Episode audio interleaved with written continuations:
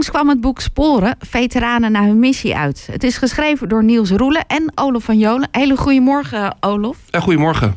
Een uh, nieuw compagnon heb je gevonden in uh, Niels? Ja, uh, aanvankelijk noodgedwongen, want de vorige boeken waren bijna helemaal Haarlems onder ons. Met mijn collega Sylvan Schoonhoven.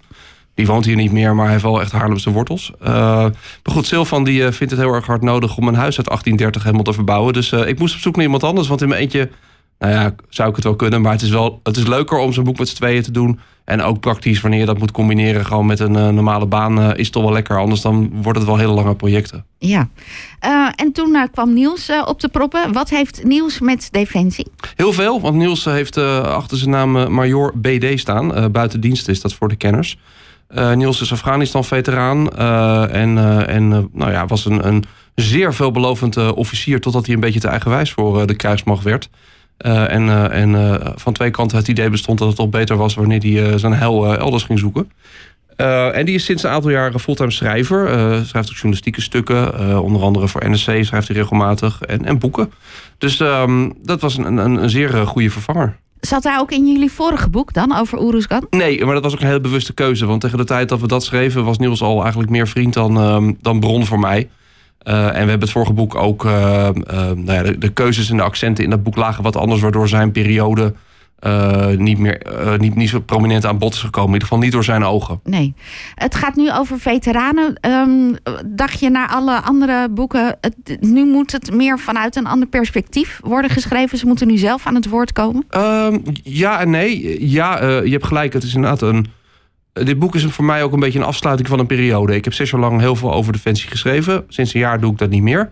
Uh, heb ik een fantastische opvolger bij de Telegraaf. En dat is Silvan. Uh, dus het was mooi om dat soort van rond te maken. En in die zes jaar heb, ik heel veel verhalen gemaakt. En je zit dan toch altijd nog wel snel op de missie. Op wat gebeurde daar toen? Hoe ging dat? wat waren de achtergronden?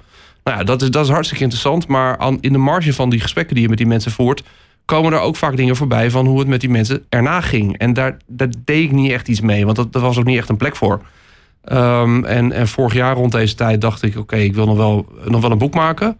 Uh, maar wat gaat dat dan worden? Uh, en op een gegeven moment dacht ik, ja, maar, maar dat is mooi. En toen had ik uh, Ere wie Ere toekomt, het boek Oorlogskinderen gelezen van Koever Braak, een interviewbundel. Die helemaal gecentreerd is rondom één thema. Hoe is het om op te groeien in, in de Tweede Wereldoorlog? Uh, en wat heeft dat met de rest van je leven gedaan? En toen dacht ik, hé, hey, wacht even, dat fenomeen is mooi. Dat je eigenlijk een hele serie mensen gaat interviewen rondom hetzelfde thema. Um, en, en daar eventueel de rode draden uithaalt, maar ook niet. Want, want de een beleeft het heel anders dan de ander. En, en dat is sporen geworden. Hoeveel mensen hebben jullie gesproken? Uh, 26 veteranen. Uh, plus, plus wat uh, deskundigen. Maar in principe de kern van het verhaal is 26 veteranen. En hadden ze ook nog restricties of mochten ze alles vertellen? Nee, is grappig. Want voor de vorige boek hebben we wel, uh, wel netjes ook voor actief dienende toestemming gevraagd. hebben we eigenlijk in dit geval geen eens gedaan. niet het boze onwil, maar het is in ieder geval gekomen. en ik denk dat die mensen zelf wel even gecheckt hebben in Den Haag van mag ik, mag ik dit doen. maar het is ook een project wat, wat heel positief ontvangen werd door Defensie. Want toen wij de commandant van strijdkrachten vroegen voor een interview, heel laat in het project. Nou, dat is een man met een agenda die zit best wel vol. Uh, en binnen een week konden we bij hem terecht. Dus dit, dit heet, had ook van heel hoog had het. Uh, Ingewikkelder kunnen zijn. Nee, van heel hoog vonden ze prima dat we dat deden. Ja. En mensen hebben kunnen praten zoals, zoals ze willen. En, en omdat het ook meer over het persoonlijke gaat. Hè, en dat, is natuurlijk ook, dat blijft altijd je eigen domein. Daar kan je werkgever niet zoveel over zeggen en 26 eh, personen gesproken. Um, zit er een rode draad in of beleeft iedereen het inderdaad anders? Uh, ja, ik denk dat de rode draad heel mooi wordt samengevat door uh, Tine Molendijk. Dat is een antropoloog die voor, voor Defensie werkt. ze doseert aan de Nederlandse Defensie Academie. En zij zegt in het boek: niemand komt hetzelfde terug. en, en dat klinkt heel dreigend, maar dat hoeft niet erg te zijn. Je kan namelijk, als je zo'n missie gedaan hebt, ook wijzer terugkomen. Of, of Volwassen. Uh, volwassener. Hè? Je, gaat erheen als een jochie en je komt terug als een man, uh, zeggen ze ook wel eens.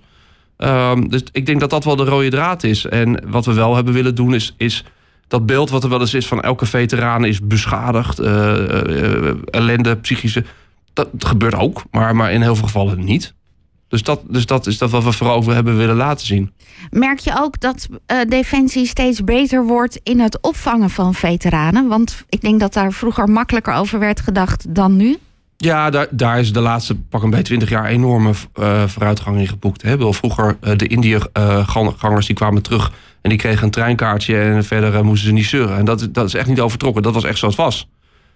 en nu, als je de laatste echt grote missie van Nederland neemt, Oeruzgan daar waren gewoon psychologen mee. En die probeerden van tevoren die mensen al een beetje voor te bereiden. En er is een heel groot onderzoek geweest, ook onder veteranen.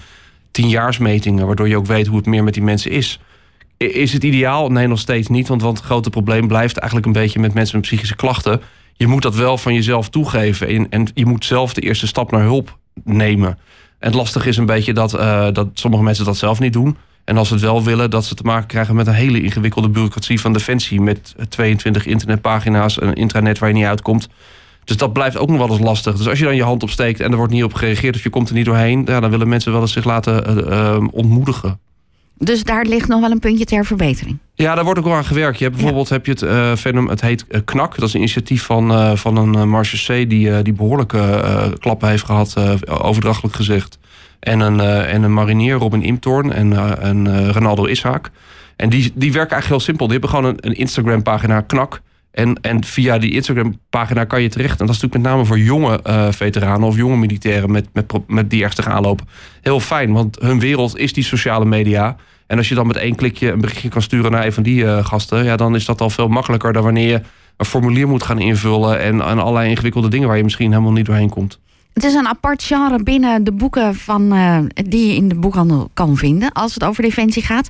Merk je dat er veel belangstelling voor is? Uh, ja. ja, zeker. Kijk, en, en uh, het, mooie is dat, dat hebben we de afgelopen jaren wel geprobeerd om te laten zien van joh.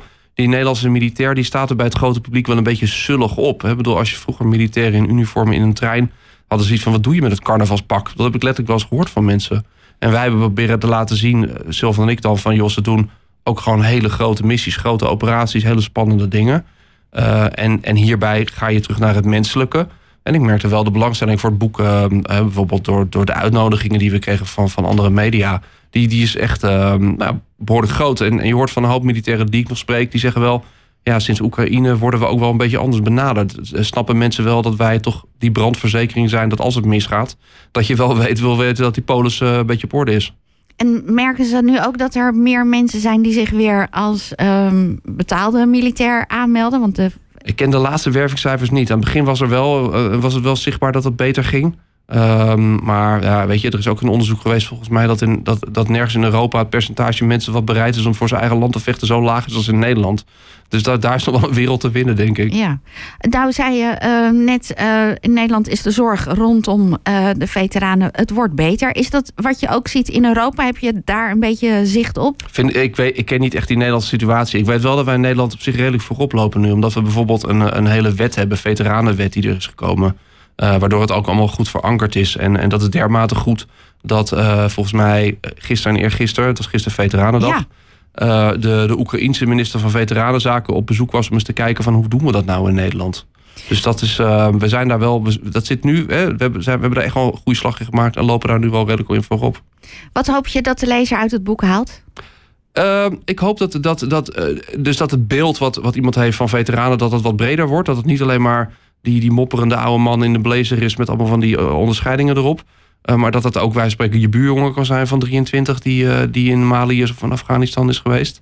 En dat ook, wat ik zelf heel inspirerend uit die verhalen steeds vond, was dat je kan vallen, maar dat je ook weer opstaat. Het zijn mensen die soms het enorm heftig van kies hebben gehad.